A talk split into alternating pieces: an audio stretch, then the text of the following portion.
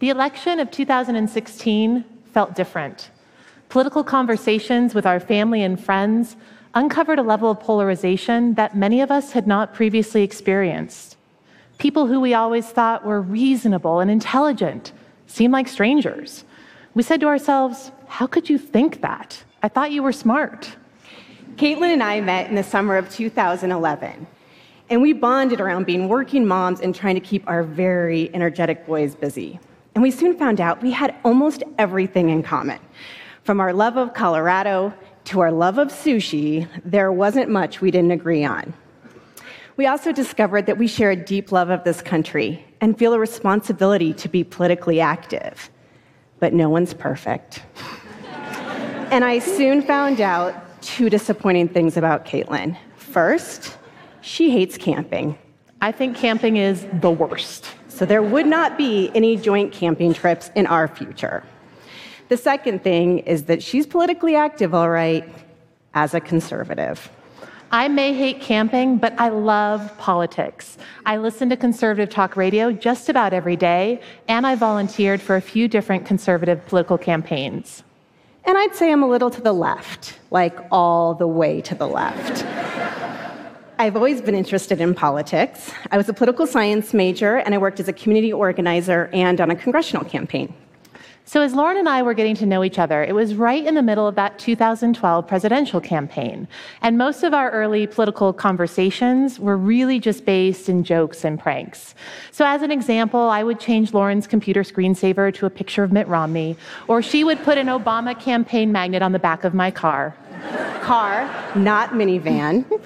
But over time, those conversations grew more serious and really became a core of our friendship. And somewhere along the line, we decided we didn't want to have any topic be off limits for discussion, even if those topics pushed us way outside of our friendship comfort zone. And so, most of us, political conversations are a zero sum game. There's a winner and there's a loser. We go for the attack and we spot a weakness in someone's argument. And here's the important part we tend to take every comment or opinion that's expressed as a personal affront to our own values and beliefs. But what if we change the way we think about these conversations? What if, in these heated moments, we chose dialogue over debate? When we engage in dialogue, we flip the script. We replace our ego and our desire to win with curiosity, empathy, and a desire to learn. Instead of coming from a place of judgment, we are genuinely interested in the other person's experiences, their values, and their concerns. You make it sound so simple, Lauren. But getting to that place of true dialogue is hard, especially when we're talking about politics. It is so easy to get emotionally fired up about issues that we're passionate about. And we can let our ego get in the way of truly hearing the other person's perspective. And in this crazy political climate we're in right now, unfortunately, we're seeing an extreme result of those heated political conversations to the point where people are willing to walk away from their relationships. In fact, Rasmussen released a poll earlier this year that said 40% of people reported that the 2016 election negatively impacted a personal relationship. And the Journal of Cognitive Neuroscience tells us that people tend to feel their way to their beliefs rather than using reasoning, and that when reason and emotion collide, it's emotion that invariably wins. So, no wonder it's hard to talk about these issues. And look, we're just two regular friends who happen to think very differently about politics and the role the government should play in our lives. And I know we were all taught not to talk about politics because it's not polite, but we need to be able to talk about it because it's important to us and it's a part of who we are. We have chosen to avoid political debate and instead engage in dialogue in order to maintain what we fondly call our bipartisan friendship. And this election and all of the craziness that has followed has given us several opportunities to practice this skill. Let's start with January and the Women's March. At this point, you can probably guess which one of us participated. Oh, the Women's March. I was annoyed and irritated that entire day, really because of two things. Number one, the name. Women's March.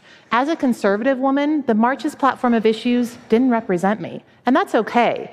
But hearing it talked about as this demonstration of sisterhood and solidarity for all women didn't ring true for me.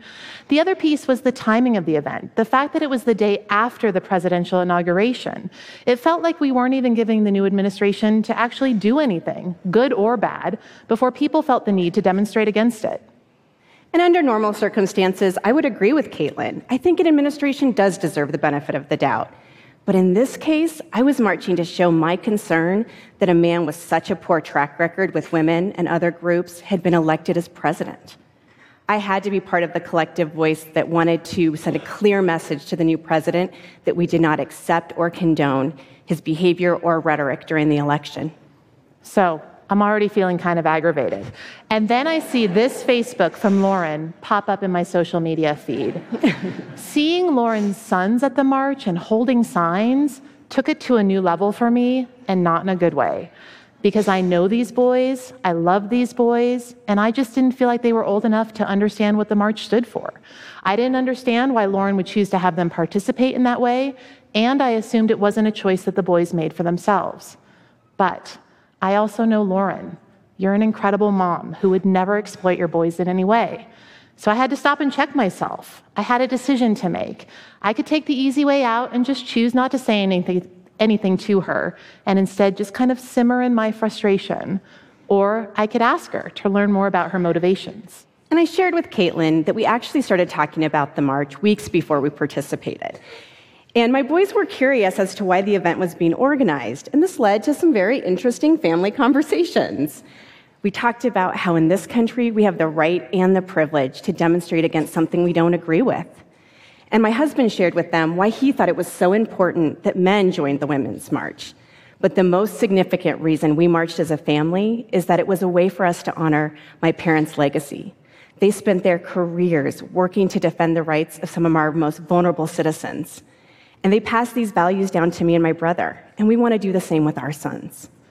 After talking to Lauren, I really understood not only why she felt it was so important to march, but why she had her boys with her.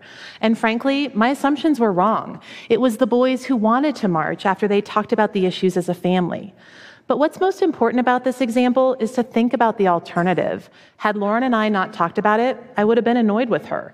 And it could have resulted in an undercurrent of disrespect in our friendship. But by asking Lauren questions, it allowed us to use dialogue to get to a place of true understanding.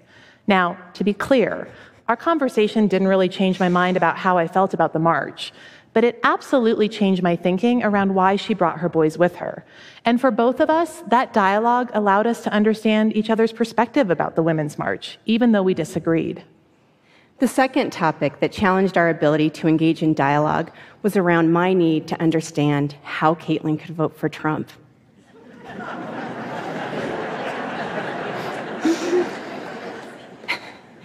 Caitlin is a successful professional woman who is deeply caring and compassionate.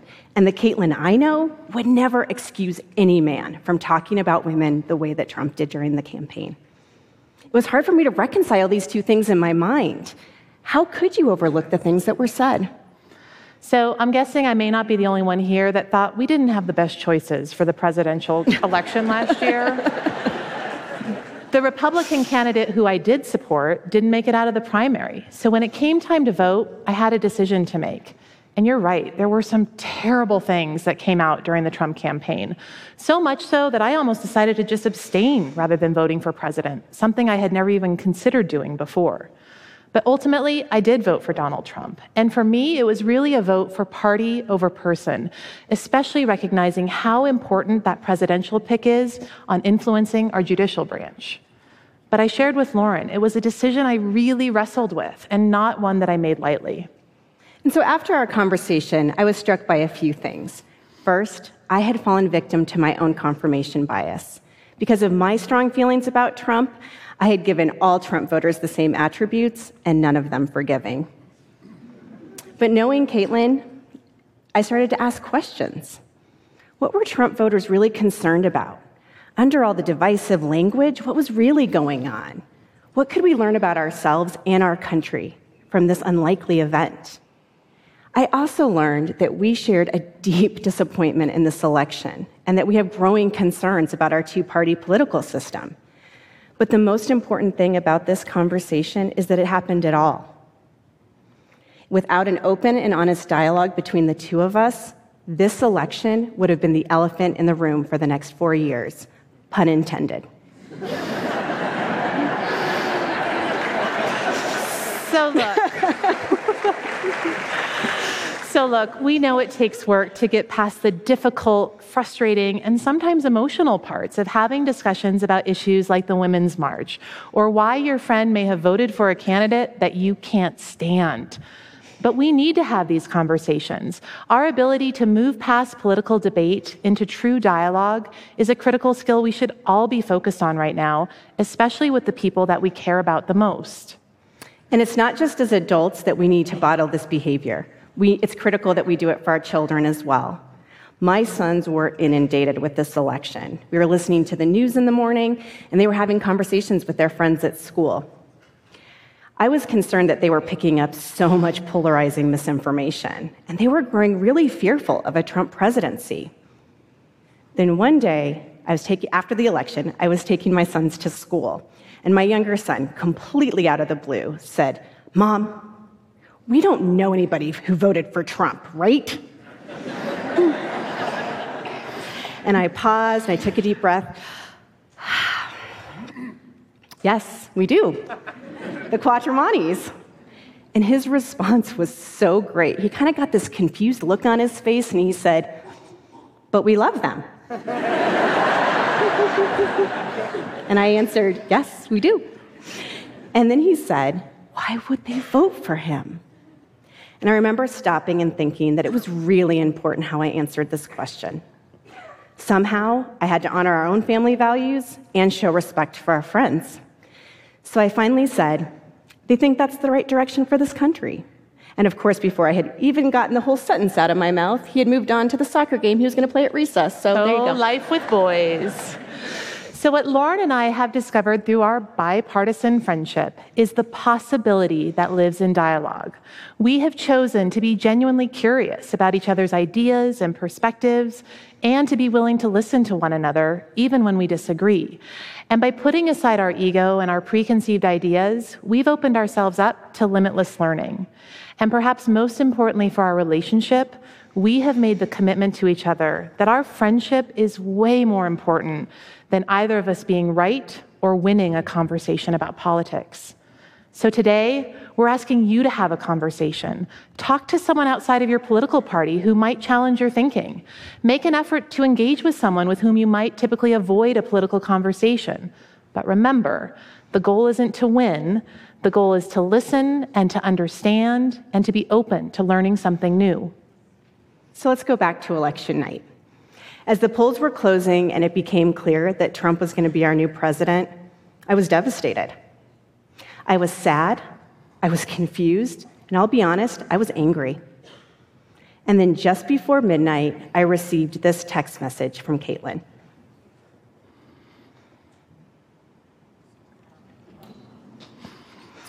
And where there so easily could have been weeks or months of awkwardness and unspoken hostility, there was this an offering of empathy rooted in friendship.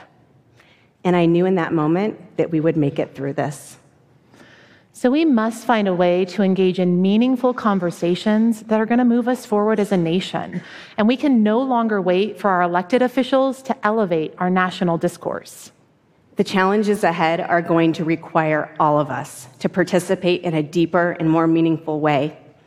And it starts with each one of us building connection through dialogue in our relationships, our communities, and as a country. Thank you.